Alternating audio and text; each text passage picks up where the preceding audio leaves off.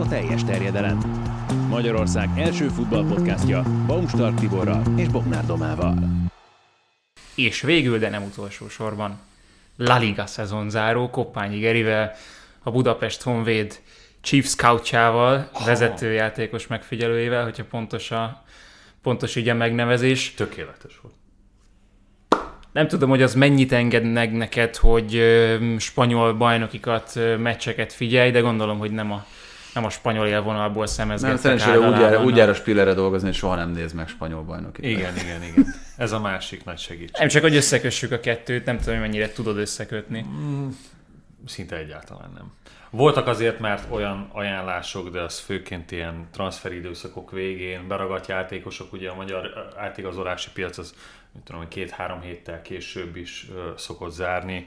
Amikor egy-egy játékos beragad, mondjuk kiesett csapatból, vagy nagyon alsóházi csapatból, Figyelj, olyan most- játékos, aki nem fér be, már volt ilyen ajánlásunk, de ott azért mindig a, az induló tétel is elég magas, tehát Két- nem, nem ez az a piac, ahol Aha, két dolog miatt vetettem ezt föl. Az egyik Kenan Kodro, a másik Mirto Zuni. Tehát, hogy egyik irányba is érkezett Magyarországra a La Ligából, és ment is az NB1-ből a La Ligába játékos.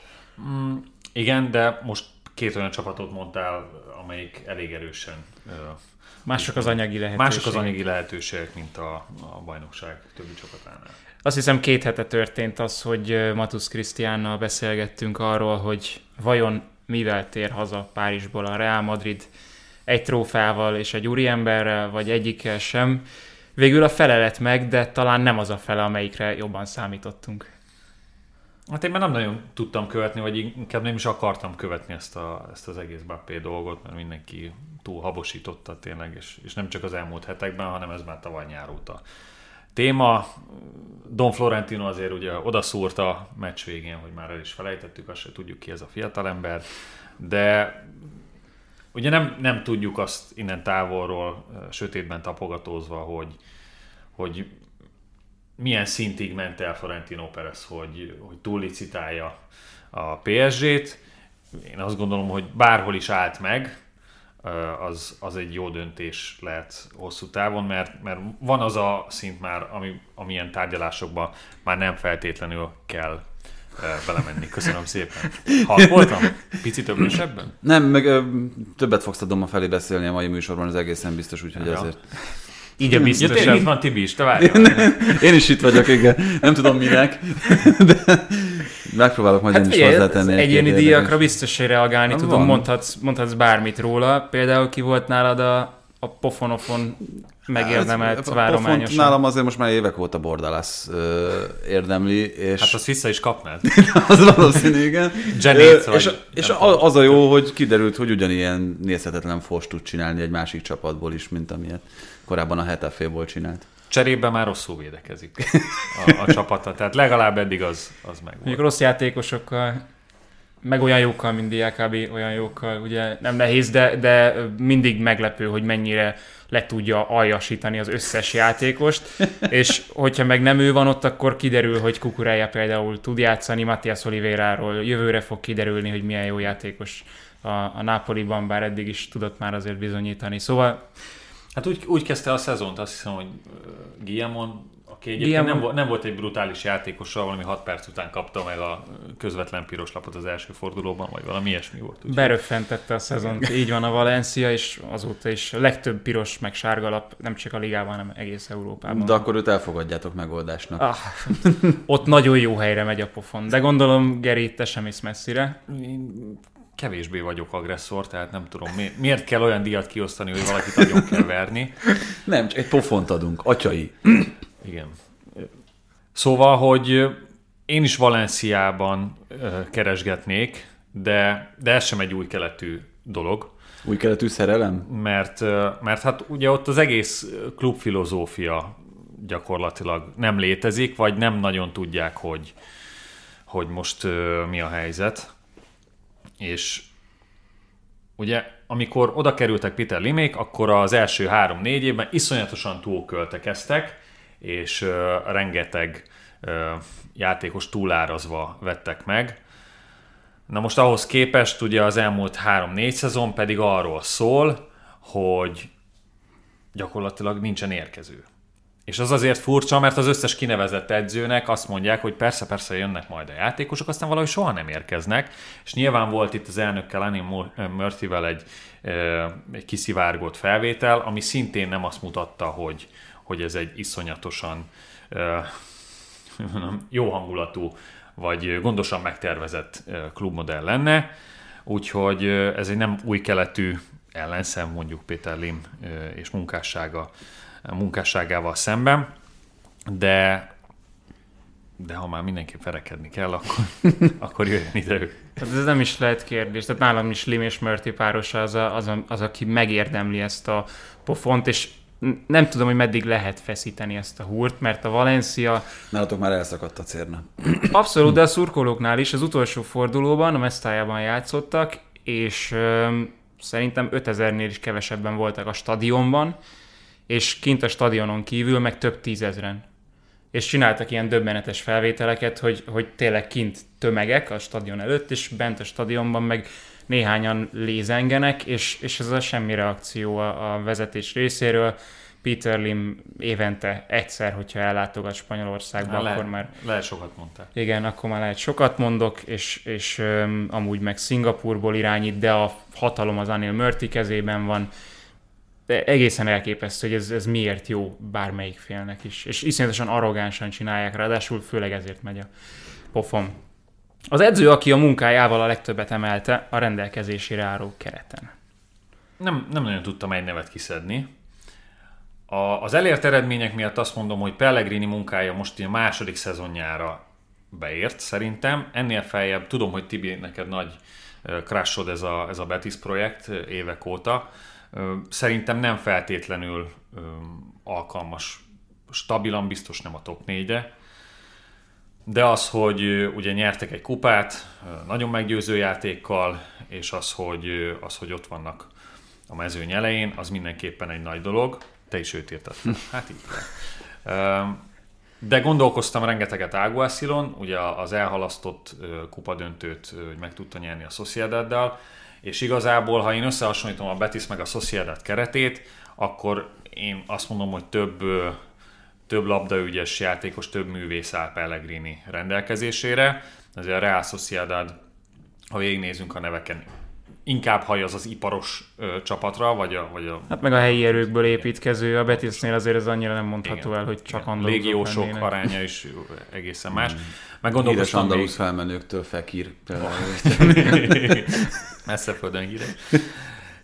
Iráolán gondolkoztam még, de hát a tavasz az azért nagyon-nagyon lerontja az egész éves teljesítményét. Az biztos, hogy, hogy őszelő volt az, aki a, legnagyobbat tudta emelni. Nálam pont ezért Iráolán, mert a, a keret minőségén tudott olyat emelni. A szezon elején a Riot szerintem itt a Spielernél, és ahol szezon beharangozókat csináltak, 10-ből 5 helyen az utolsó volt, a másik 5 helyen meg a kiesők közül valamelyik másik pozícióban láttuk őket, tehát hogy ez egy borzalmasan gyenge keret alapvetően, ahol Falcao kellett megmentőként várni, és valóban megmentő is lett, de hát ez a, ez a szezon vége, ez tényleg most már felvetett kérdéseket, de hogy Iraola bár meghosszabbította a szerződését, keresett edző lesz, nem csak a nyáron, hanem az elkövetkező években is, az szerintem itt szinte biztosnak tűnik. Egészen tuti. Igen.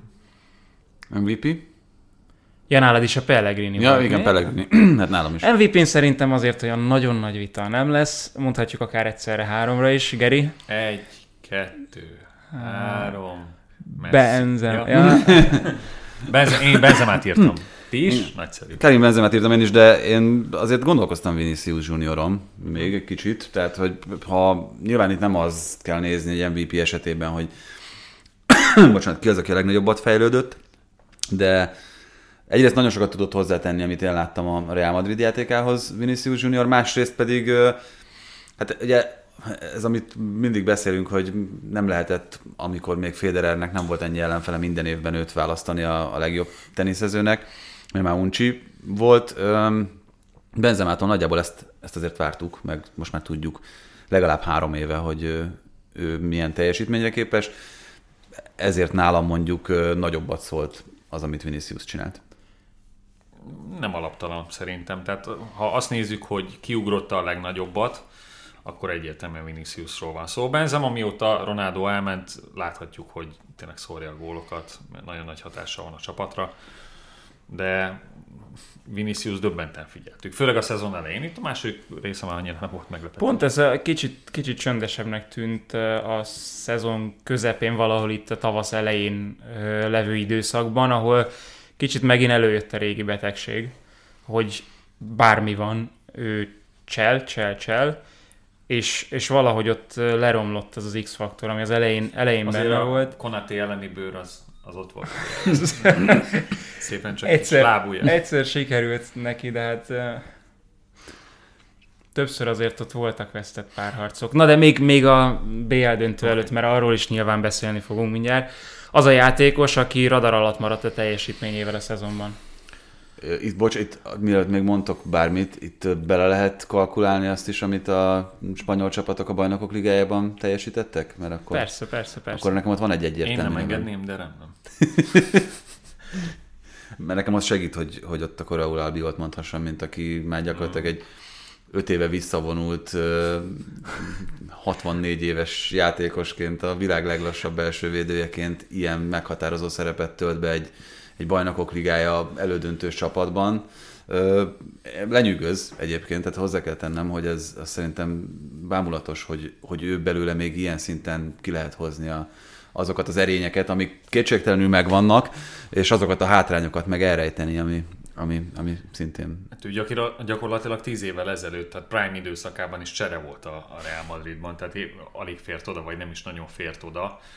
De erőteljesen torzítja azért a, a bajnoki, vagy a bajnokok ligája Igen, gondoltam, a, a bajnoki inkonzisztenciát, mert azért nem mindig védekezett jól ez a Villarreal, és ehhez ő is, ő is azért többször hozzájárult. Én hányat? Három játékost írtam fel. Az Na. egyik Huami, aki, akitől senki nem várt ilyen ö, gólerős szezon, 16 gólt szerzett, az abszolút karriercsúcs.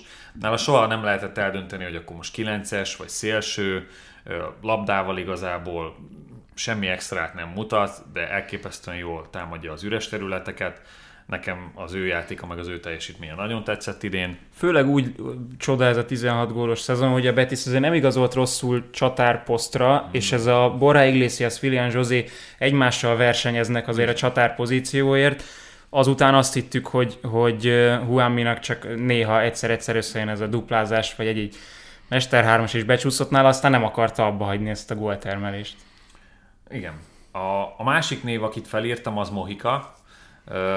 Az picit meglepő, de szerintem a, az Elcse támadásai, ha veszélyesek voltak ritkán, akkor ahhoz nagyon-nagyon hozzájárult, tehát azért 5 gólpaszt csak kiosztott, illetve hát az, az atletit nagyon nehéz bármilyen szempontból is dicsérni.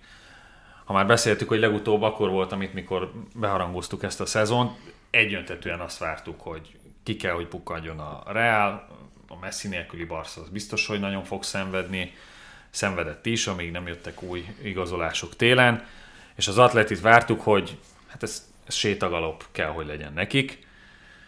Ehhez képest tudjuk, mi történt. Én azt gondolom, hogy magához képest is talán az egyetlen játékos, aki jól teljesített, ott az Ángel Correa volt, aki, aki tényleg 12 gól, 5 gólpassz, mm, ahhoz képest, hogy, hogy vitte végig ezt az egész szezont az atleti, az egy megsüvegelendő teljesítmény. Tehát róla azért kevesebbet beszélnek, de főleg a csapat a rossz teljesítménye miatt. Na majd még itt az Atlétikóról is külön beszélünk, de az biztos, hogy Korrá egy világsztárokkal teletűzdelt csapatban kb. a leghasznosabb játékos volt támadásban, hát a számokat tekintve mindenképpen. Újabb két játékos tudok mondani, mert én meg két tök más embert írtam föl. A Villarrealnál szerintem nehéz megkerülni Danzsumát. Mm. Bár ő nem maradt annyira radar alatt, mert foglalkoztak vele azért is Angliában, mert hogy onnan érkezett, de hogyha a Villarreal ismeri fel azt, hogy egy championship csatárnak valahol a BL élmezőnyében lenne a helye, és tudja is használni, és hogyha nem lett volna sérült, akkor még ennél is durvább gól számokat hozhatott volna Gerard Moreno mellett, akkor, szóval hogy akkor még inkább kiemelkedik, így szerintem nem róla szólt leginkább ez a, ez a szezon. A másik meg, akit fölírtam, és akit most már ö, gyanítom, hogy ö, még nagyobb csapat el fog vinni, már bár erről tavaly nyáron is szó volt, David Garcia, aki az Osasunának a belső védője, és megint hozott egy olyan idényt az Osasunában, hogy ö, gyakorlatilag lehetetlen volt őt fejjel megverni, és a, az Osasunában egyre erős, tehát ők ilyen szépen konzisztensen erősödnek a, a bajnokságban, és főleg a, főleg a védekezés miatt. Tehát, hogy a, az Osasunának ez a e, stabilitása, ez egyre szembetűnőbb, és ebben David Garcia top 1, és, és tavaly is már az Atlétikóval hozták szóba, de akkor valahogy ez nem jött össze. Gyanítom, hogy idén nem csak az Atlétikó fogja megkeresni, mert ők például a Premier League-be párharcokban egy ilyen erős játékos nagyon-nagyon-nagyon kelendő portéka. Úgyhogy gratulálunk az egyéni díjazottaknak. A pofon tulajdonosoknak is? A pofon tulajdonosoknak is. Ők is megdolgoztak ezt. És hát a Real Madrid is megdolgozott a bajnokok ligája címért, hoztál nekünk egy meszt, reméljük örökbe. Sem. Mindig az a vád éri a Real Madridot, hogy nem emlékeznek meg normálisan a legendákról, legalább akkor mi felelnéjünk meg ezeknek. Aki a podcastként kívánalmaknak. hallgatja, Marcelo 12-es meze van mögöttem. Ja igen, bocsánat, tényleg, ez eszembe se jutott. 12-es mez, de most egy 25-ös volt nála a BL döntő után, mert egy 25 trófeát nyert a Real Madriddal rekorder, viszont a Movistaron volt egy felvétel a legutolsó bajnoki mérkőzésről, ahol Iszkóval ül, vagy a Lucas Vázquez mellett ö, üldögél a padon, és ugye a Movistar tud ilyet, hogy leolvassa az emberek szájáról, hogy mit beszélnek, és azt olvasták le a szájukról, hogy kicsit ilyen letargiában ülnek ott, és a Lucas Vázquez győzködi arról kb. a Marcelót, hogy még, még aláírhatsz, még, még lehet ebből bármi nyugi, és a Marcelo megmondta, hogy hát ez már el van döntve, és, és hogy nem lesz ebből hosszabbítás.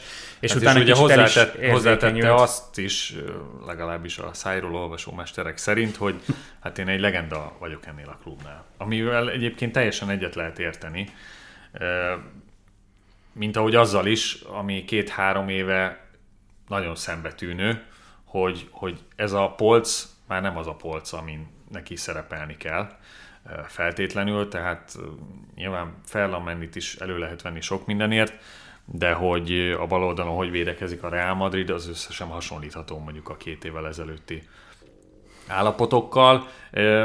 Én, én tényleg sajnálom, hogy, hogy Marcelo ebben a kicsit kiégett státuszban ragadt az elmúlt két szezonban, vagy két-három szezonban. Nekem egy nagyon, nagyon kedvenc játékosom volt tényleg, és azért nem hagyom itt örökbe, mert van egy másik Marcelo mezem is otthon, csak azt a feleségem valamikor betette 60 fokban mosni. Úgyhogy már csak Szelló és kettő, azt hiszem, ez van ráírva. Megoszlanak a vélemények a felelősségvállalásról, meg hogy ki terhel, mert hogy én pakoltam be a gépbe a fehér ruhákat, amiket ugye 60 fokon kell mosni, hogy, hogy szép fehérek legyenek. Na mindegy, szóval Ki kell ez, ez az egyetlen, ami úgy néz ki, ahogy, ahogy az életben ki kell nézni egy meznek. Ahhoz képest egyébként, hogy hogyan búcsúztatott egy néhány legendát a Real Madrid, még ez így egész jól jött ki Marcelónak. Ő emelhette magasba a trófeát, ő volt a csapatkapitány, és azért nagyjából szerintem számított rá, hogy ha új szerződést ki is kap, komoly szerepet nem fog. Hát pont erről beszéltünk egyébként, hogy itt azért a bőség zavarával küzd ilyen tekintetben a Real Madrid, mert most, ahogy mentek oda átvenni az aranyérmet, meg aztán a kupát a madridi játékosok, az embernek az első gondolata, ami megfogalmazódott, szerintem az volt, hogy te úristen, egy ötszörös győztes, még egy. Tehát, hogy olyan korszakos számokról, man. nem, tehát, hogy, hogy olyan, olyan korszakos számokról beszélünk, itt akár edzői, akár játékos fronton,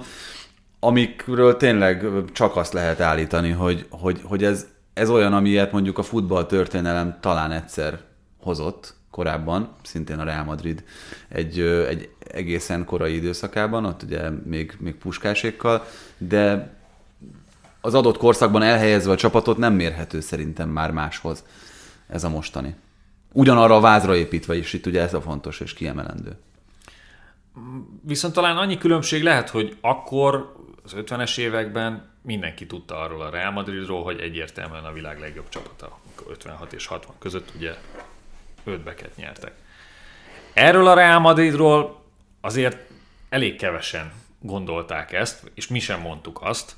Nem sok jel utalt arra, pláne úgy, hogy, hogy Ancelotti ugye nagyon rossz szájízzel távozott 2015-ben a, a Madridtól, mikor volt egy nagyon erős őszük, BL címvédőként. BL címvédőként, Modric kiesett, gyakorlatilag meghalt az egész csapat ezáltal, és ugye nem nyert akkor egy trófeát sem, és Perez akkor lépett egy merészet, valószínűleg ő is megbánta azóta, de ha megnézzük Ancelotti pályaivét azóta, igazából kiszámított arra, hogy, hogy ez, ez egy sikersztori lehet, és hát még az is nagyon ritka, még egy Real Madrid szintű, meg hagyományú csapatnál, hogy a bajnoki címet, meg a bajnokok ligáját egyszerre nyerjék meg. Iszonyatosan ritka. És, és persze lehet, lehet itt találgatni, hogy, hogy mi történt a, a tavaszi bajnokok ligája meccseken, És pont azon gondolkozom, hogy Ancelotti karrierjében ez az első, ugye? Hogy a bajnokok ligája mellé bajnoki címet nyer. Mert a Milánnal 2003-ban nem lett bajnok, 2007-ben a Real. Madriddal meg nem volt még És bajnok. nem, tehát mind a négyet úgy nyerte, vagy mind a hármat úgy nyerte, az az előttieket, Oda hogy... béna. Nem, csak hogy ez tényleg ebből, Igen. ebből a szempontból is unikális.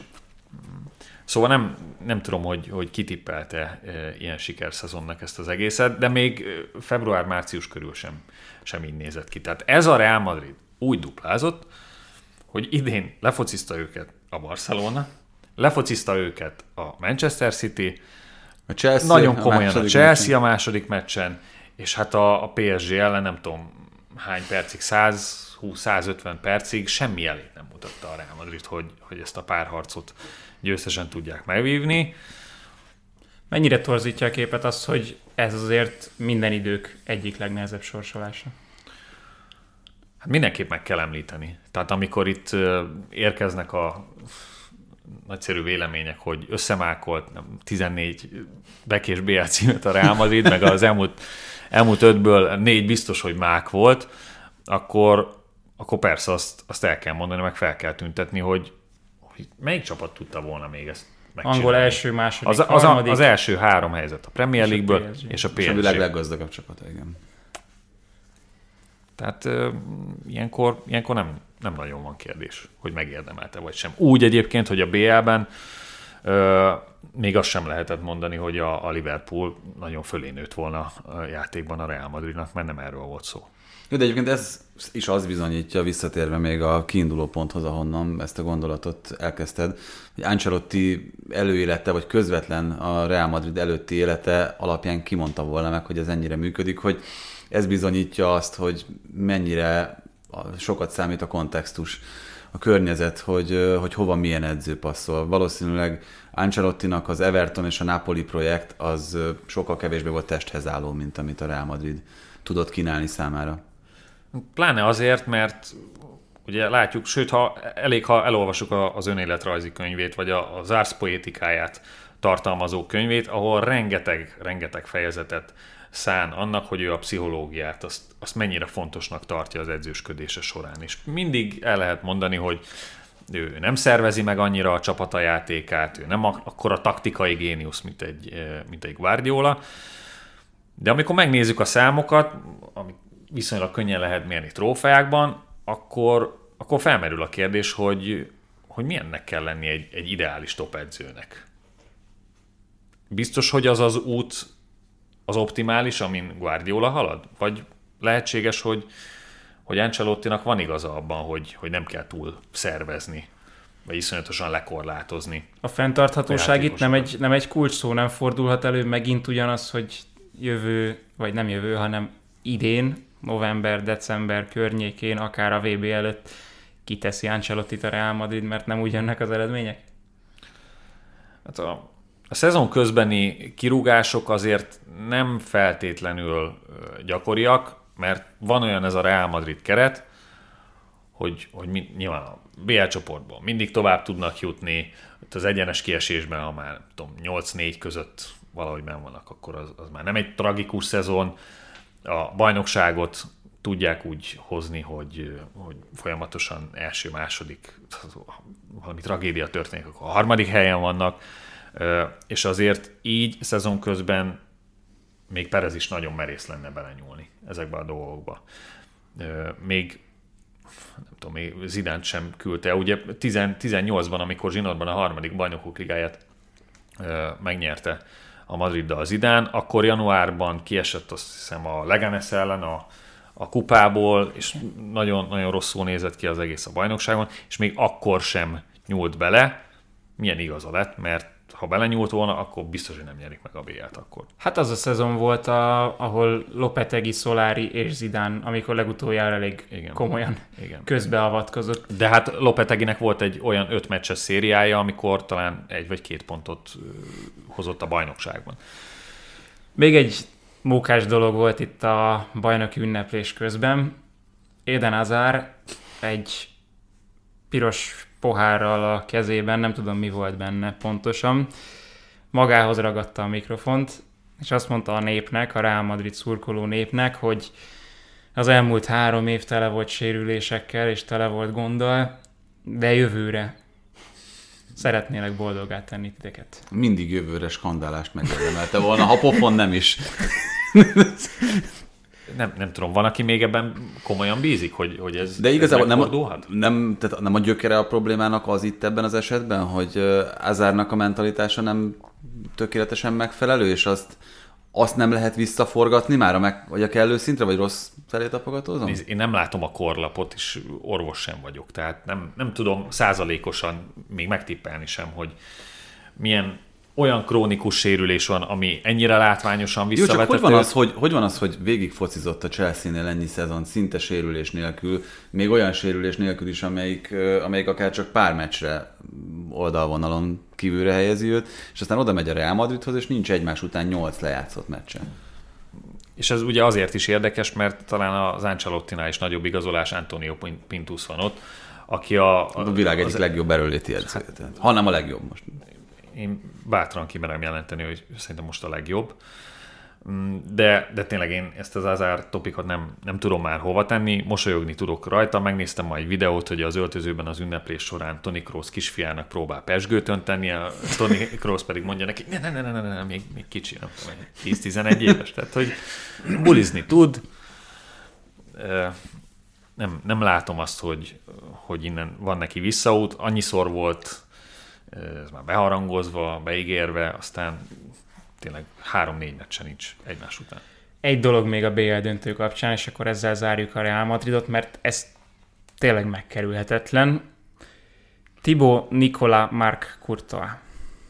Azt Megnéztem, ez a teljes neve az úriembernek, és azért amikor arról beszéltünk, nem arról, hogy ki az MVP a szezonnak, hanem arról beszéltünk, hogy kik a Real Madrid húzó emberei, akkor Benzema és Vinicius után általában Courtois jött elő, és hát a BL kieséses szakaszban is rengetegszer jött elő. Kezdve azzal, hogy a Paris Saint-Germain ellen kivédte Messi 11-esét még az odavágon.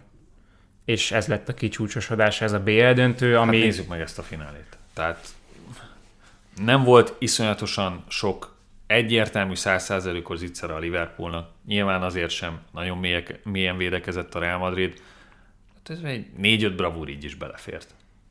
És tényleg az egész tavasz során azt lehetett látni, hogy szerintem, ha nem Courtois áll a kapuban, akkor egyik, tényleg egyik párharcot sem vívta volna meg győztesen. Hát és egyébként én ezt tartom, hogy a legnagyobb megmozdulása az nem egy védés volt, hanem amikor megelőzte Salah ott a második félidőben, amit nem írunk be közvetlenül mondjuk a, a bravúrok vagy a védések közé, miközben az volt a legnagyobb bravúr szerintem, és az mutatta meg azt, hogy, hogy milyen tartást adott a csapatnak, ahogy olvasta a játékot, ahogy elővételezte a, a csatároknak a mozgását, és én bevallom, mindig nagyon jó kapusnak tartottam Kurtát, de ezt nem láttam benne korábban, amit, amit ott annál a mozdulat sornál felfedezhettünk, hogy ez valószínűleg egyébként abból fakadt, meg abból jött, hogy az ő önbizalma az, az teljesen rendben volt ebben a szezonban végig. Angliában sem ismerték ezt el, nem visszás kicsit az a nyilatkozat sorozat, amit ő tett ennek kapcsán, Hogy nem ismerték el Angliában? nem Chelsea-nél Hát nyert furcsa. a bajnokságokat. Pláne kicsit úgy, hogy ilyen, most ilyen sértődőknek igen, meg egy kicsit ilyen önigazolónak, miközben egyébként neki Nincs most tényleg nincs mit, igen, nincs mit bizonyítania. Talán annak is szólhat ez az egész, hogy amikor a Madrid leigazolta, akkor az első szezonja az, az tényleg vicc kategória volt. Tehát nem, nem hogy a bravúrok elmaradtak, hanem még a, a legalapvetőbb védések sem mentek feltétlenül. Itt nem tudom összeszámolni, hány gólt kapott bőrben, akkor meg, megjelentek a mémek, hogy igazoltunk egy zsiráfot, tulajdonképpen nem jó semmire. És hogy onnan, hogy sikerült ezt, ezt megugrani, inkább ez az érdekes kérdés szerintem a sztoriban. Rebesgették, hogy magánéletbeli gondja is voltak az első Real Madridos szezonjában. Lehetséges, hogy ha ez megoldódott, akkor minden más megy magától.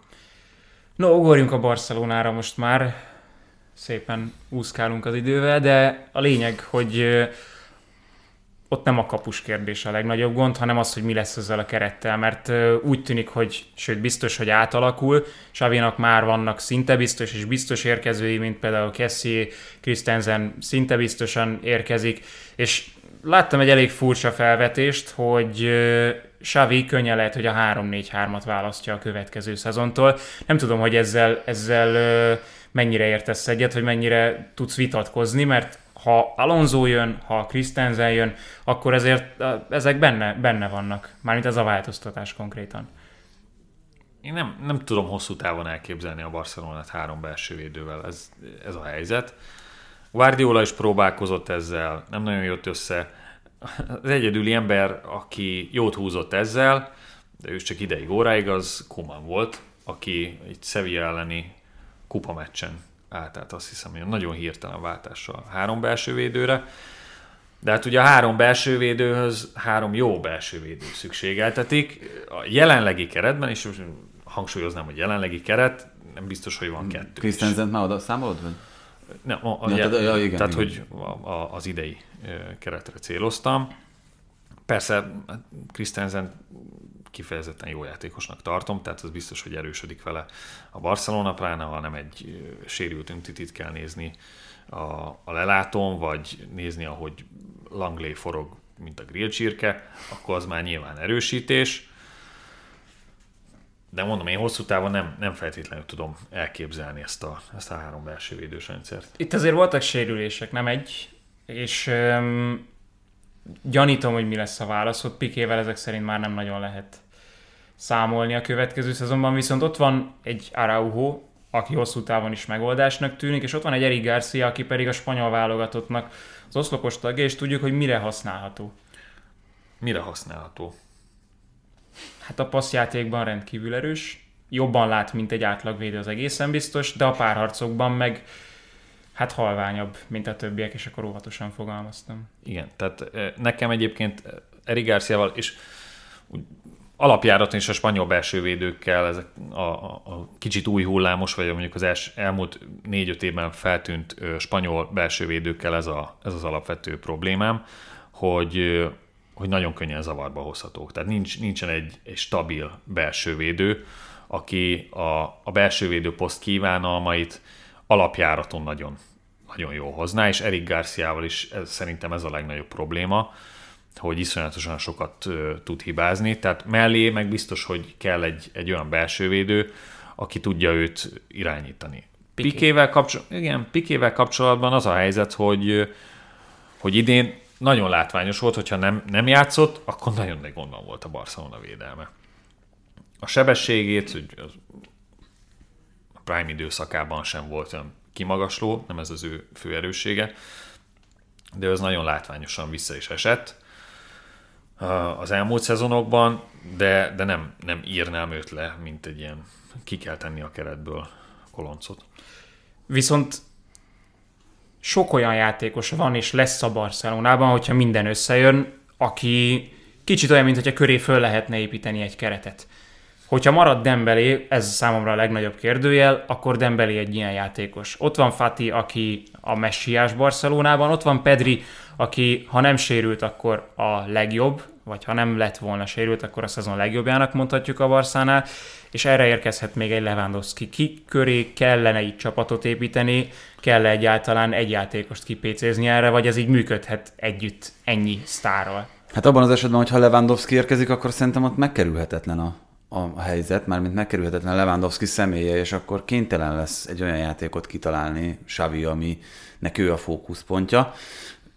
Egyébként meg, hogyha, hogyha nekem kellene mondanom egy olyan játékost, aki köré ezt a Barcelonát építeni kellene, meg lehetne, az biztos Pedri lenne.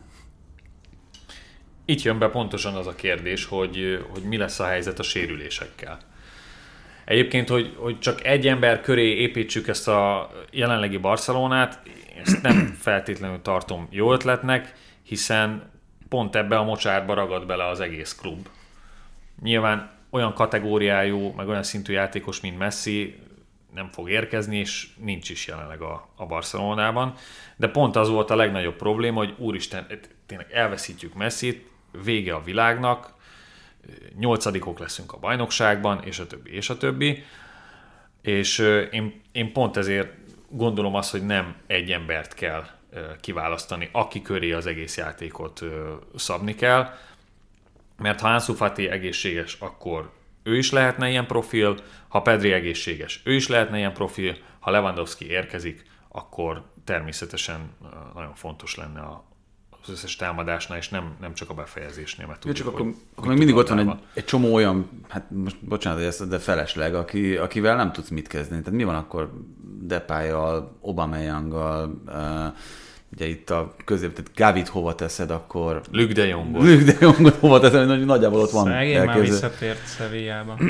szóval, szóval itt, itt, azért egy csomó kérdést fölvet az, hogy akár az új érkezőkkel, tehát hogy itt, hogyha amellett, hogyha akarnak is frissíteni, meg akarnak még új játékosokat igazolni, hogy Kessie Christensen tényleg valószínűleg tűnik, Lewandowski is most, most szerintem inkább abba az irányba mutatnak a dolgok, hogy jön, akkor ez csak akkor lehet működőképes, hogyha itt egy nagyon komoly lecsapolás történik, nem? Muszáj. Pláne amikor... is. Az nagyon-nagyon kell. De Laporta elég, elég jól menedzseleti ezeket a dolgokat. Kis Covid, nem Covid?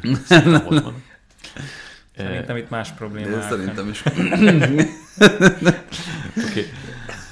Szóval még beszélgettünk valamelyik magazinműsorunkban is, hogy hány támadó kapott szerepet a Barcelonában, és nem tudom, március-április körül már bőven két számjegyű volt az összeg, vagy a, a, a, ez a mutató, és hát persze kényszerhelyzet volt, főleg Ferran Torres, Aubameyang megérkezése előtt, de hát itt azért voltak ilyen nevek, hogy Ezabde, meg Zsudglá, nyilvánvalóan jó játékosok lehetnének, de nem, nem azokért a célokért küzdve, ahová Barcelonát várja mindenki a világon, főleg a szurkolói.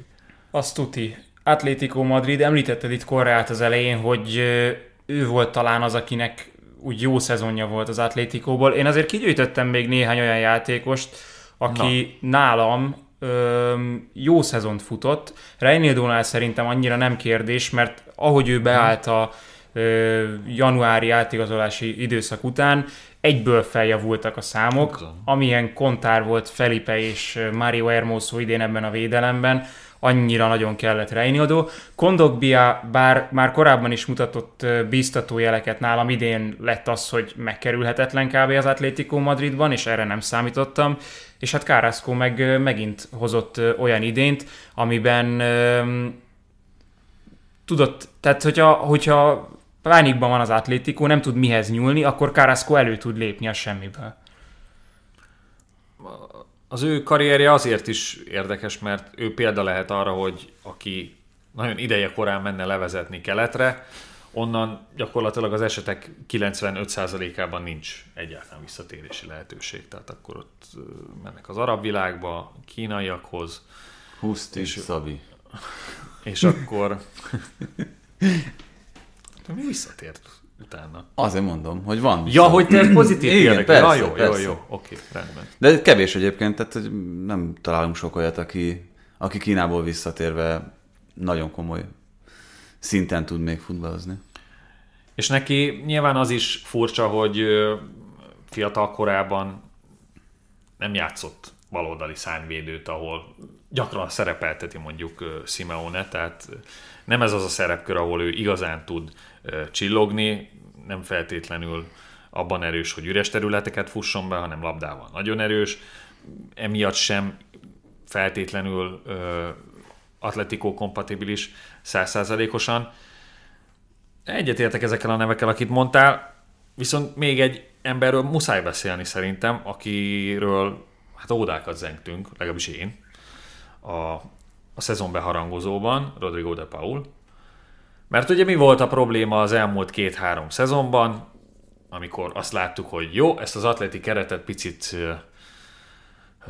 hogy mondjam, telerakjuk labdával ügyesebb játékosokkal, hogy, hogy ne csak bekelni kelljen, és ne csak segbe rúgni a labdát, hogy aztán majd fussák a, az üres területeket a játékosok, hanem egy olyan kreatív szervező középpályás kell, mint Rodrigo de Paul, akinek olyan számai voltak az Udinézében, hogy le a kalappal. És ő úgy vége, végzett ebben a szezonban, hogy három gól és két assziszt.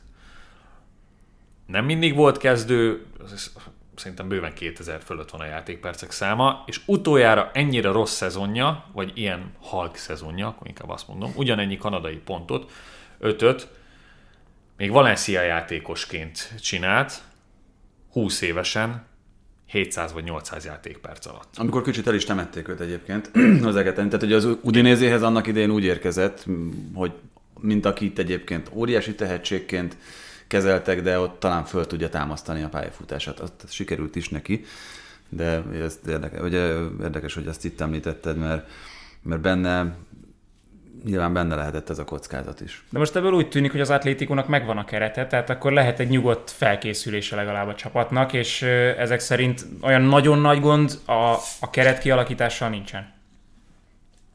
Szerintem nincs. Tehát én, én a szezon előtt is ezért mondtam maga biztosan, hogy, hogy nem szabad, hogy ez, a, ez az atletikó szétessen. Viszont azt látni kell, hogy a belső védők, amit mindig mondunk az atletinél, hogy hát tökéletes védekezés van, és nagyon kevés a hiba, hát ez főleg ebben a szezonban nem mutatkozott meg. Nyilván kellett a több kapott gólhoz az, hogy Obláknak szerintem karrierjében, életében soha nem volt ennyire rossz szezonja, tehát legalább 3-4 olyan komoly bakia volt, amin pontok mentek el. De mondjuk, ha én ide veszem az igazán Simeone kompatibilis belső védőket, mint Godin meg Miranda, még Jimenez is ide sorolnám, hát akkor Savic, Felipe, meg Hermoso abszolút nem, nem ez a szint. Itt biztos, hogy lehet azért fejleszteni. Hogyha az Atlétikónál nincsen nagy gond a kerettel, akkor a Sevillánál lesz. És főleg a belső védők miatt beszéltük a Premier League szezonzáróban, hogy valahogy az Aston Villa el tudja vinni Diego Carlos-t a Sevillából, valahogy Kundét is ki fogják onnan most már vásárolni, attól félek, és hát kicsit szintelen szaktalannak tűnt a szezon második felében a Sevilla, és azzal, hogy még az belső védők is elvesznek, itt valószínű, hogy megint, megint Moncsira lesz szükség. Nem tudom, január-február körül lehetett még arról beszélgetni, hogy tudja, tudja-e tartani a lépést a Sevilla ezzel Real Madriddal, bajnoki címre esélyesek-e. Szerintem akkor sem voltak, de most azt mondtad, hogy tavasszal kicsit szintelen szaktalanok voltak. Szerintem Lopetegi alatt folyamatosan azok. Nekem a legnagyobb bajom mindig a Sevillával, hogyha ilyen ö, támadó középpályásaid vannak, ö, amilyenek vannak a Sevillában, akkor azokat nem lehet ennyire, ennyire visszafogni. Például egy, egy Ancelotti biztos nem fogná vissza ennyire a, ezeket, a, ezeket a profilokat, ezeket a játékosokat. Lopetegi pedig nyilván nagyon a biztos védekezést tartaná szem előtt, ugye XG a mutatókban elsők lettek, másodikok, azt most nem mondom biztosra, Bono nagyon-nagyon jó szezon zárt, Zamoradiat is kapott. Én egyébként azt mondom, hogy, hogy Kundét lehet, hogy azért sikerül megtartani. Nincs olyan... Lenne. Tessék? Adja az ég. Szerintem nincs olyan borzalmas helyzetben anyagilag a Sevilla, hogy rá legyen szorulva, hogy áron alul értékesítse őt. És azért őt nagyon-nagyon komolyan meg fogják mérni. Én azt tudom mondani, hogy a spanyol bajnokság legjobb első védőjéről beszélünk. Tehát ha itt tudom, 60-70-80 millió eurós vételárak röpködnek más topligák poszton legjobb játékosaiért, akkor, akkor ennyi alatt tilos eladni. De itt is ennyiről van szó a hírek szerint, tehát hogy ez nagyjából ez a zárcímke, ez ott is van rajta. Nem tudom, de az biztos, hogy Diego Carlos Kundé mögött már nagyon-nagyon rosszul nézett ki a, a Sevilla védelme, tehát azt lehetett látni, hogy már ha egyikük nem volt hadrafogható, akkor, akkor komoly gondok voltak.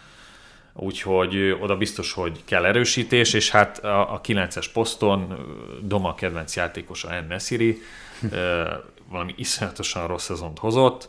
Ö, Rafa Mir volt az, aki egyébként akár kezdőként, akár szezon De előtt Geri elején visszatér Luke de Jong.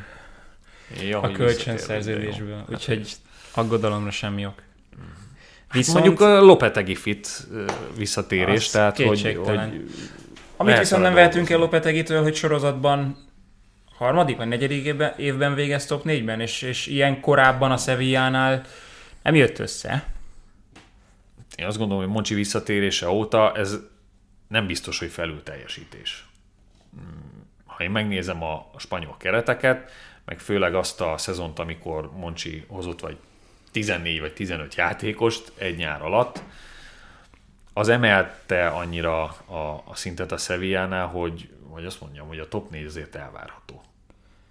És a Betis mi, mi lehet elvárható? Itt is mondtál már azért egy-két szót, hogy szerinted ez a, ez a top, és mégis olyan varázslók vannak ebben a Betisben. Több furcsa ezt mondani, mert általában az ötödik helyezett csapatokból nem szoktunk nem szoktunk legjobbakat választani, de, de Fekir és Canales két olyan meghatározó játékos, akiket tényleg nehéz megkerülni.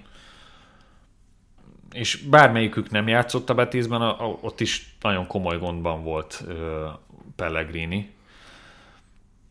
Canales nagyon érdekes, mert ugye ő egy klasszikus tízesként kezdte a Racing Santanderben a pályafutását, és amikor a Real Madrid megvette, akkor őt abszolút ennek ö, próbálták használni, és ő főleg az elmúlt pár idényben egyre inkább ö, kiment a szélre, és inkább onnan irányította a játékot.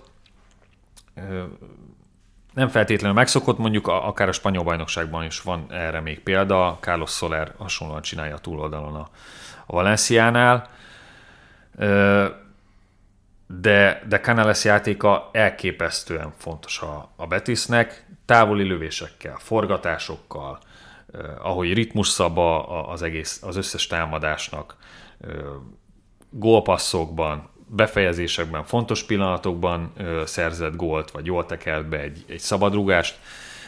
Tehát biztos, hogy meg kell tartani, valószínűleg meg is fogják.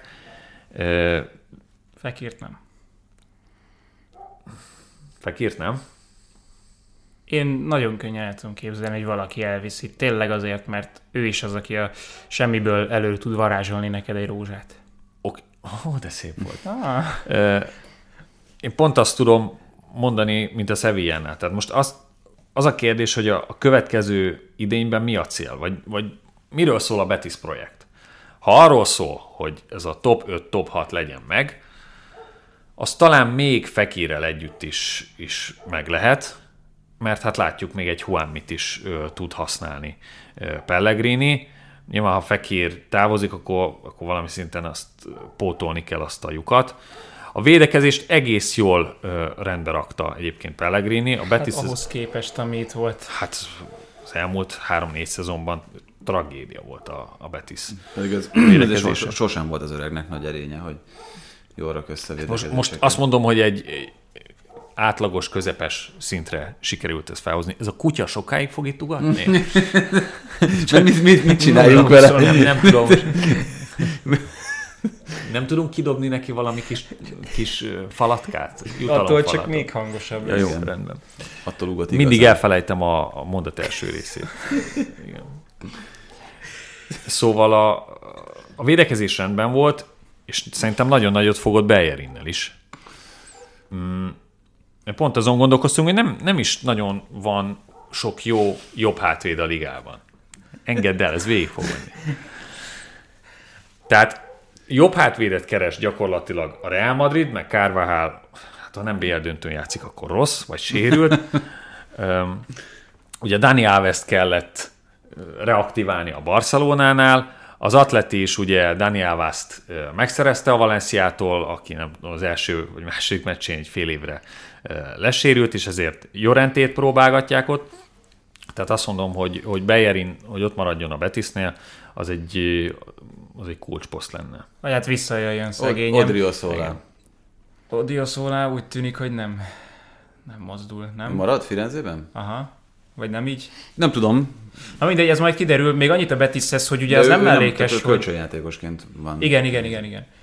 Hogy ö, a kupát megnyerték, és az Európa Ligában is egyértelmű cél volt, hogy ők minél tovább meneteljenek. Azért ahhoz, hogy itt maradjanak a négy kötőjel hetedik hely ö, környékén, és továbbra is kupa csapat legyenek, mert ez azért cél, hogy ők minél tovább meneteljenek ezekben a kupákban, és nagyobb hangsúlyt fektetnek rá, mint más csapatok, mélyíteni kell a kereten. Főleg, főleg védekezésben. Tehát szerintem az, az nagyon fontos. Ráadásul, ha megnézzük tényleg a védelemben milyen nevek vannak, ott nem nagyon tudok mondani egy húzó embert sem igazán. Tehát ott, ott biztos, hogy, hogy kelleni fog erősítés. Hát bártra volna az a név, de hát. Okay. úgy nehéz. Itt van a Real Sociedad, amelyik viszont elképesztő szezont hozott védekezésben, úgy, hogy ö, közben, tehát én ilyet még nem láttam ö, soha, hogy egy csapat a legszórakoztatóbbból a legunalmasabb legyen egy szezon alatt. Egészen döbbenetes volt, amit, amit idén De ez nem egy-két névnek a kiesése miatt történt így, ugye?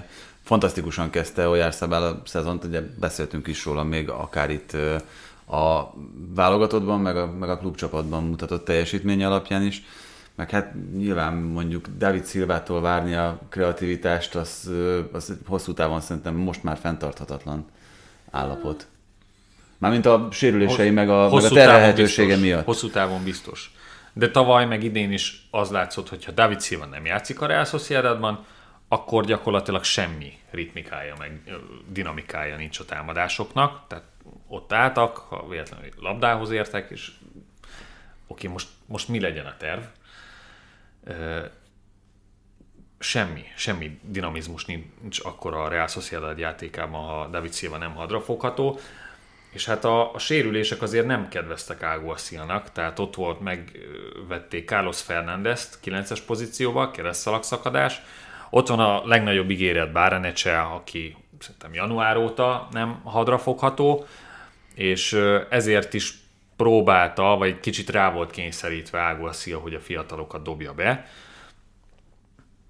Sok 1 0 meccsük volt, pont emiatt. Szerintem ők talán még túl is teljesítették egy picit a tervet, pláne Oyarzabal nélkül. Oyarzabát egyébként három éve gyakorlatilag minden szezonban eladják öt top klubnak, ez nem tudom meddig lesz, valószínűleg még Rehabon van ez a szezon, akkor még, még egy szezont eltölt a Sociedadban, de hát az ő kiesése az bármikor várható, vagy az ő eladása. Én szerintem a Villarreal zárja le az igazán komolyan vehető spanyol csapatok listáját. Most Megvan a jövő évi konferenciáliga győztes. Hát egyértelmű. Hát, már gravírozhatják, tudod. Nem kell a 90 A sablon percet már oda tehetik, igen. lehet, hogy Krisznél is említettem, de neked is felvettem a dolgot, hogy azért a BL-ben ahogy tudta, ölte a játékot a Villarreal, viszont talán a konferencia ligában pont a fordítottját várhatnánk tőlük, mert ők, ők lesznek a nagy csapat, akiknek irányítani kéne. Én, én picit sajnáltam, hogy a, a Villarreal feladta a bajnoki szezont, meg a bajnoki versenyfutást. De ez ilyen egyértelmű. Hát Az a, akkor, az, a, amikor... az, a, az a négy hét, az, az ennyit, mert körülbelül erről beszélünk, nem? Tehát egy ekkora idő intervallumról. Hát jó, de azért egy, egy VRL kategóriájú csapatnak nem ennyi tovább jutni mondjuk a BL csoportból, mint, mint bármelyik elit klubnak. Tehát az, az szerintem nagyon komolyan rányomta a bélyegét a szezon kezdetre is, és hát itt ugye a Juve meg Bayern meccsek között, szerintem a két Bayern elleni meccs között volt olyan bajnoki, amikor 11 játékos cserélt ki. Tehát ez FIFA-ban biztos jól működik, hogy a stamina az piros, vagy nagyon-nagyon fáradtak a játékosok, és akkor 11-et kicserélünk, hogy majd a következő meccsen mindenki ö, nagy levegővel tudjon menni, tudjon rohanni 90 percet. Ez szerintem a való életben azért nem, nem működik. Hozzátéve azt is, hogy így, hogy a konferencia liga megvan, és két óriási skalpot sikerült szerezni a bajnokok ligájában, összességében nem feltétlenül rossz ez a szezon. De ha mondjuk az utolsó három meccs nem úgy alakult volna, és mondjuk 8.-9. helyen zárnak, akkor fel lehetne tenni azt a kérdést, hogy, hogy biztos biztos be kellett ennyit áldozni ezért a, ezért a menetelésért. Jó, meg végignézve itt ezen a kereten, azért nem, nem lehet, hogy rosszul látom, megint csak azt kell kiemelni, hogy a Villarreal idén azért főleg a bajnokok ligájában láttam. Hát hogy nem sértem meg Parejót, meg Raúl Albiolt, meg azokat a játékosokat, akiknek azért most már sokkal több a hiányosságuk, mint az erényük, és akkor talán ez, ezzel vagyok a legpontosabb. Mi... Hát azért, hogyha kiosztottuk a pofonokat, akkor köszönjük is meg Liméknek, hogy két ilyen játékos még el tudott menni egy olyan csapatba, ami szeretne is. Persze, meg, meg, meg, meg fantasztikus, ez csak, meg hogy az, hogy, hogy belőlük még ki lehet hozni. Ez csak mondjuk itt is megint a fenntarthatóságról, meg, a, meg akár a közeljövő tervezéséről szólva nem lehet biztos abban az ember, hogy akár elvárható a Villarrealtól az, hogy mondjuk top 6-os legyen állandóan. Szerintem azok után, hogy nyernek egy Európa Ligát, és nem feltétlenül romlik a keret minősége, nem biztos, hogy azért túl teljesítés, hogyha szezon előtt azt mondják, hogy top 6. Pláne azt hiszem Emery első szezonjában azt is mondták, hogy, hogy a top 4-et azért illik megcélozni, ami szerintem egy őrült nagy vállalás. De, de a kulcsmeccseken azért Paréhónak inkább az erősségei jönnek ki. Mert ha megnézzük az utolsó három bajnokin kiosztott négy gólpaszt, Rayo, Real Sociedad és a Barcelona ellen, tehát azért azt az nem volt egy, egy könnyű menet itt a, a szezon végén nekik, akkor azt mondom, hogy Paréhod még bőven-bőven lehet használni. Én kíváncsi vagyok, hogy, hogy mi lesz a, a Villarreal, és nagyon örülök, hogy nem igazolódott be az, amit itt rebesgettek november-december körül, hogy, hogy lehet, hogy Emerinek menni kell, mert, mert olyan borzalmas a, a bajnoki szezon. Ő, ő még szerintem... Mert bő... a Newcastle elviszi a... Igen, ja, tényleg az, az is volt. Athletic Bilbao, ahol a, talán a legnagyobb dolog az, hogy Marcelino egy nem rosszul sikerült szezon után, és egy látszólag tök jól működő kapcsolatot követően az ott megtörtént, vagy, vagy majd rövidesen végbe menő elnökválasztás miatt távozik a csapattól. Ki tényleg ki az, aki, aki jobban össze tud tartani egy csak spanyolokból, csak baszkokból álló csapatot, mint egy ilyen edző, mint Marcelino, aki egyébként nyilván spanyol is, de hogy ismeri is a helyi viszonyokat, és ö, nagyjából azért volt egy elképzelése arról, hogy mit akar játszatni ezzel a csapattal. És most is volt pár olyan hét, amikor kampányoltak érte a játékosai nyilvánosan is, hogy maradjon. Hasonló volt a helyzet a Villarrealnál is, hasonló volt a helyzet a Valenciánál is, tehát hát Marcelino, nélkül nagyon nehéz lesz itt a, a Bilbaóval mit kezdeni. Úgyhogy ez a keret szerintem nem feltétlenül alkalmas ennél erősebb célok elérésére. Ha megnézzük, hogy a mondjuk legnagyobb csillagnak uh, Iñaki Williams az eddigi nyolc felnőtt szezonjából mindig bocsánat, egy kivételen mindig alulrúgta az XG-jét, de, hogy, de, de nagyon durván. Most ö, úgy, hogy nem voltak rossz számai, 8 gólt lőtt, ez valami 15 pluszos XG-re hozta össze, tehát... Bilbao Edin Dzsekója. Hmm, én Dzsekót jobban, jobban bírtam ennél. Hmm, csak ő is az a típusú játékos, aki rendszerint alárúgta itt pályafutása során a várható mutatóját én nem, nem tudom, hogy, hogy Marcelino nélkül mit lehet várni ettől a Bilbao-tól. Ha edzőt keresnénk oda, akkor te említetted, ki ismeri a viszonyokat, Iraola ott lenne egy, egy egész jó megoldásnak. Picit jobb kerete is lenne azért, mint a Rájóval. De azért Marcelino itt uh, szuperkupát nyert, kupadöntőt uh, csinált a Bilbaóval, uh, vagy kupa, kupa döntő. Szuperkupa győzelem Szuper és kupa, győzelem. döntő is volt, csak ugye az, de az Atletic a... Real Sociedad, amit elhalasztottak. De, de abba a kupa döntőben nem ő vezette be ö, tavaly a csapatot. Vagy de? De, szerintem igen. Ezt most nem tudom, mert ugye a, a Covid miatti eltolás miatt egy picit összecsúsznak itt előttem az idősíkok. Szerintem rossz döntés Marcelot elküldeni. Na mindegy, meglátjuk majd, hogy kit hoznak a, a helyére, és akkor itt tényleg jönnek azok a középcsapatok, akik, akiknél mondtunk egy, egy sávot, hogy hova várhatóak, de az európai kupaindulást talán sose vettük komolyan. A Valenciáról már megemlékeztünk.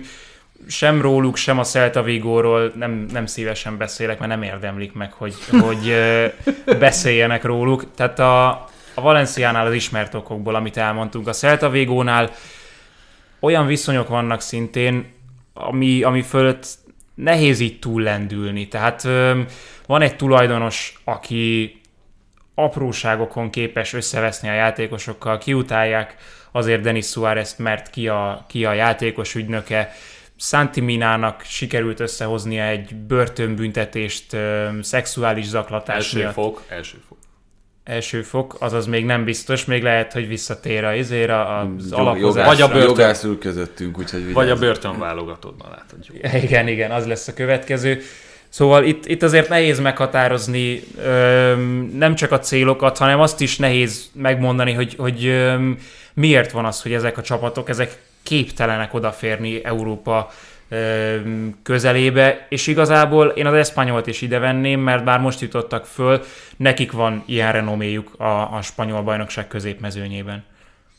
Nyilván, ha egy Espanyol tud 20 millió euróért venni egy csatárt, Raúl de Tomasról van szó, akkor tényleg elvárható azért a felsőház, még friss feljutóként is, de hát én azt tudom mondani, a Valenciánál meg a Celta Vigónál is a keretben azért hiányzik az a, az a minőség, és sok számú játékosnál kellene, hogy meglegyen, ami arra predestinálná őket, hogy, hogy itt top 6-ról lehessen beszélni. Tehát említettük a Valenciánál, nem költenek egyáltalán, állandóan újra kell szervezni a csapatot, beszól a tulajdonos, balhézik az elnök. Nem, tehát ilyen hangulatban nem, nem tudsz olyan projektet felépíteni, ami, ami megközelítőleg is sikeres lehet egy, egy topligában. Bocs, és még így is majdnem nyertek egy spanyol kupát. Ja igen, de ez annak tükrében igazán kínos, hogy ott van az Elcse, amelyiket én most a két évében mióta feljutott, mind a kétszer tök utolsónak tippeltem, mert nem látom, hogy, hogy ez a csapat ez hogyan képes így bennmaradni, és ott van a Rájó, amelyet ugye szintén tényleg kiesőnek tippeltünk, és borzalmas kerete van, és pontszámban ők voltak ott a, a Celta Vigo, a Valencia és az Espanyol mellett között. Szerintem az elcsét is, meg a Rájót, meg pláne ugye a Granada kiesésénél a, a Cadizt, uh, csak az isteni gondviselés mentette meg. Ha megnézed a pontszámokat a spanyol bajnokságban, az alsóházban, a kiesés körül, azt hiszem van, hogy lett 3-42 pontos, meg uh, 3-39 pontos, lehet ez az utolsó előtti fordulóban van. Lényeg. 38-al esett ki szerintem a Granada. 38-al esett ki szerintem is a Granada, de az biztos, hogy nagyon-nagyon sűrű volt a mezőny. Na most azt mondani az elcsére, hogy itt valami nagyon tudatos klubépítés zajlott, ami, ami miatt egyértelműen vonal fölött voltak, hát ez, ez azért nehéz ezt kijelenteni. Badia tényleg jó szezont hozott, és sokszor Hát, igazad volt. igazam volt. 39-ből van három. Végre, és végre 42 egyszer. Szóval Nem, nem ugat a kutya. Hurrá. Ez, ez segít. Igen. Badia jó szezont hozott, és ha megnézzük a számokat, kevés olyan kapus volt, akinek ennyire érzékelhető hatása volt mondjuk kapott gólok tekintetében. Mondjuk a, a Cadiz elleni meccsen azt a kifutását Sobrino góljánál azt javaslom megtekinteni mindenkinek, de ennek ellenére tényleg csak Courtois, Rulli, illetve ö, Bono volt, akinek nagyobb hatása volt a, a csapata teljesítménye. Hozzá segítette az is a Cadiz a bemaradáshoz, azért itt ez a kiesés bemaradási harc megér egy szót. Tényleg ezért is, mert általában azt szokták mondani, hogy 40 pont a biztos bemaradás, de itt 38 ponttal esett ki a Granada, ami azért ritka, hogy 38-szor egy, egy csapat kiessen. És ami számomra a legérdekesebb volt, hogy ö, 35. vagy 36. fordulóban, már májusban a Granada Majorkán 6-2-re megverte a Majorkát. 10 gólt rugott a Granada két meccsen a Majorkának. És mégis az utolsó körben a Granada esett ki, és a Majorka meg benn maradt. Én azt hiszem, hogy ritkán állítjuk ilyen bizton, hogy két rosszabb csapat maradt bent, és a jobbik esett ki. Az Alavesre gondolsz, mint jobbik csapat. Nem a Levantére, amúgy tényleg a Levantére is. Gól, gólgyáros Levante. Így van. Én nagyon sajnálom ezt a Granadát. Főleg azért, mert Most milyen kézben van a Granada? Hát most az a, az Udi- Udinézés Az már véget ért, vonal, igen. Az, az, annak vége van. Én egy ázsiai tulajdonosról Igen, tudok. kínairól. Én is, de ugye az, azért is kérdeztem, mert úgy tudom, meg úgy látom azért itt a mozgásokból, hogy főleg ezekből a kisebb projektekből a kínaiak itt a járványidőszak alatt, mint hogy, hogy kisunnyogtak volna. Nem ez okozta ott is a problémát? Biztos, hogy nem, mert a, a téli átigazolási szezonban sok pénzt költöttek. Uh-huh. Tehát ott van akár Uzuni példája is, akiért ugye hírek szerint 4 millió eurót fizettek. Na most ahhoz képest, hogy Diego Martinez edzővel a padon ö, Európa Ligás helyezés volt a jutalmuk kettő évvel ezelőtt, És utána Európa Liga negyed, nyolcad, bizony, negyed döntő talán volt Negyed a United. döntő. negyed United. döntő. Negyed döntő. Uh, ahhoz képest, és ugye akkor, amikor feljutottak, 5 vagy 6 millió eurót költöttek. A másodosztály legjobb játékosait összegyűjtötték, és tényleg egy nagyon, nagyon jó szezont hoztak. De most egyértelműen áldoztak a klubra, nagyon-nagyon rosszkor és későn váltottak edzőt. Tehát Robert Moreno megint megégett egy csapatnál, lehet ezt szépíteni. Én szerettem, hogy a spanyol válogatottnál csinált, és sajnáltam a, azt a furcsa és balhés elköszönést a válogatottól, de, de most már ki lehet jelenteni, hogy gyakorlatilag amilyen lehetőségeket kapott, szépen lépdel vissza-vissza-vissza felé. Na, nagyon rossz csapatot választott. Diego Martinez után leülni egy kis padra, egy Európa Liga negyed döntő után, ilyen magas helyezés után leülni egy kis padra nem lehet hálás, és itt talán az volt a legdurvább dolog, hogy a szurkolókkal nem találta meg az összhangot. Tehát ahogy ő kommunikált, és ugyanez volt a spanyol válogatottnál is, amikor ugye sikerült összeveszni a Luis Enriquével, hogy, hogy valahogy ez a kommunikáció dolog nem, nem megy neki annyira. De hát a pályán lévőkkel se nagyon ment. Tehát, és, és ez a Granada szerintem nem volt olyan rossz keret, hogy ki kellett volna esnie. 27 forduló után menesztették, azt hiszem. És ugye úgy kezdte a szezont, hogy volt egy 7 meccses nyeretlenségi széria, aztán picit úgy összeálltak, és aztán még egy 9 meccses nyeretlenségi széria, és akkor mondták, hogy na jó, ez már több a soknál. Ugye egy, egy átmeneti edző után Karankát kinevezte, aki meg megmutatta, hogy hogy kéne edzeni ezt a Granadát, és az utolsó meccsen nem bírták megverni ezt a bűrosz eszpanyolt hazai pályán, úgyhogy Jorge Molina még egy ajándék tizit el is rontott, és kiestek. Nagyon sajnálom őket tényleg.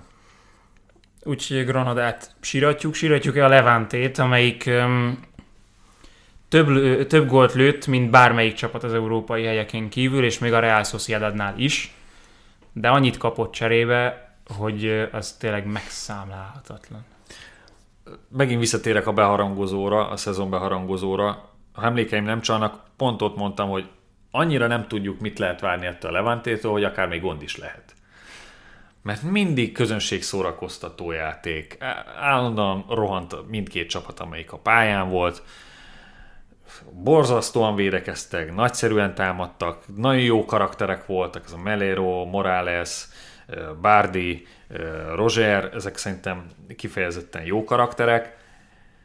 És hát Paco López meg, meg egy, egy jó csapatot csinált ebből a, ebből a Levantéból, és most sem kezdték unalmasan semmiképp, de rosszul sem szerintem a szezont, mert ugye az első fordulóban vezettek a Cadiz ellen 1 0 és a 80. percben Morales egy ajtóablak helyzetet kihagyott, Espino egyenlített a hosszabbításban 1-1. Következő meccs a Real Madrid ellen, verték a Real Madridot 3-2-nél, Cantero beállt, és még lőtt egy kapufát. Tehát elverhették volna a Real Madridot. Ehhez képest ugye Vinicius egyenlített, és a, a hat pontból, ami simán jöhetett volna a Levanténál az első két meccsen, kettő sikerült. Senki nem gondolta, hogy ilyen összeomlás lesz utána, de igen, üde színfolt volt ez a, ez a csapat, sajnálom, hogy nem sikerült felállni. Agérét még csak azért végszóként említsük meg, mert tudom, hogy ő a kedvenced, vagy hát kedvenced, tehát Milyen hogy... szempontból?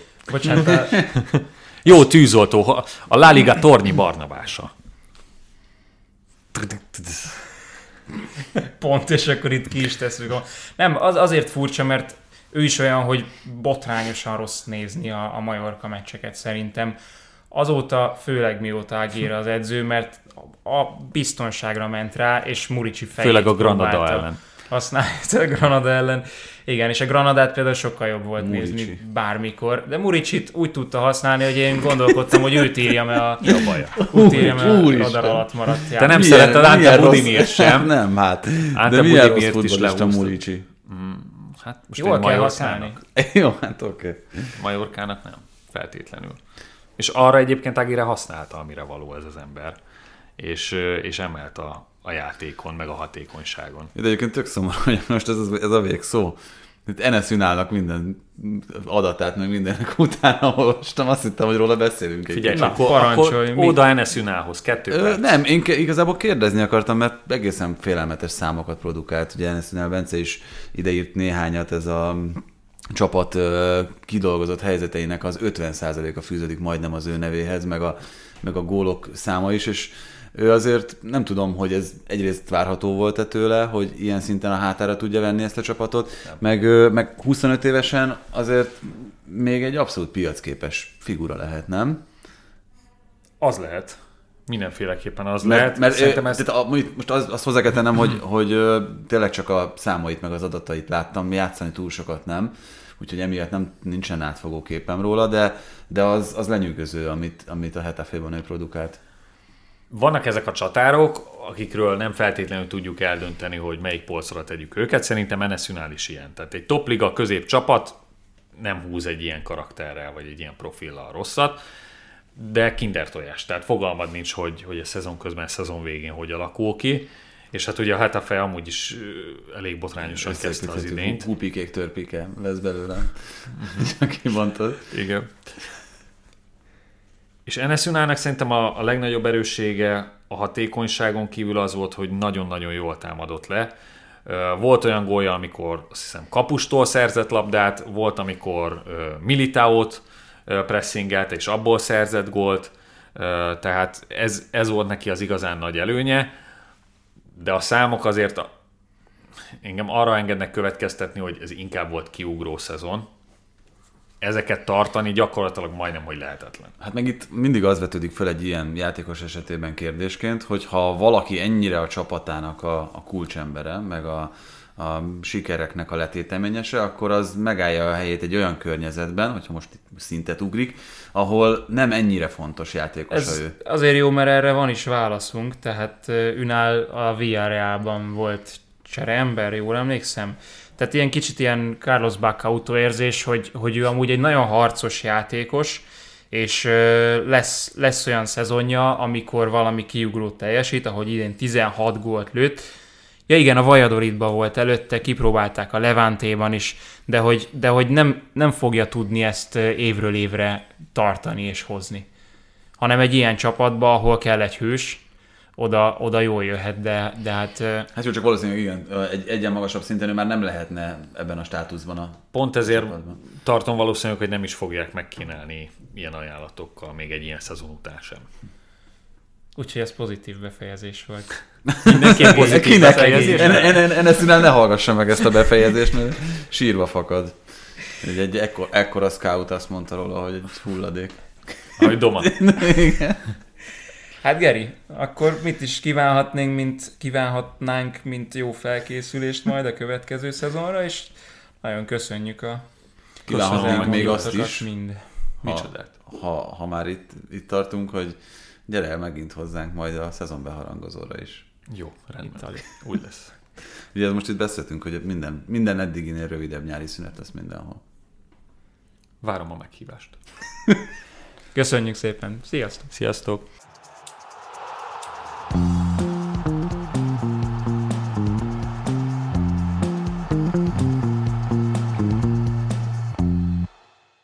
Ha más podcastekre is kíváncsi vagy, hallgassd meg a Béton műsor ajánlóját. El tudod képzelni, hogy a podcastet, amit éppen most hallgattál, fél év múlva már a mesterséges intelligencia generálja? Mi sem. De ha érdekel, eljött már a gépek lázadása. Hallgass bele az Embertelen podcastbe. Orsós Lajos vagyok, a műsor házigazdája. Egyelőre még élőben. Egyelőre. Fedezzük fel együtt, hogyan ismerkedik, randizik, mesél és vitatkozik Betty és Péter, két teljesen mesterséges intelligencia. Lajos, a podcast címét mond még egyszer, Léci. Oké. Okay. Embertelen podcast. Ez a műsor a Béton közösség tagja.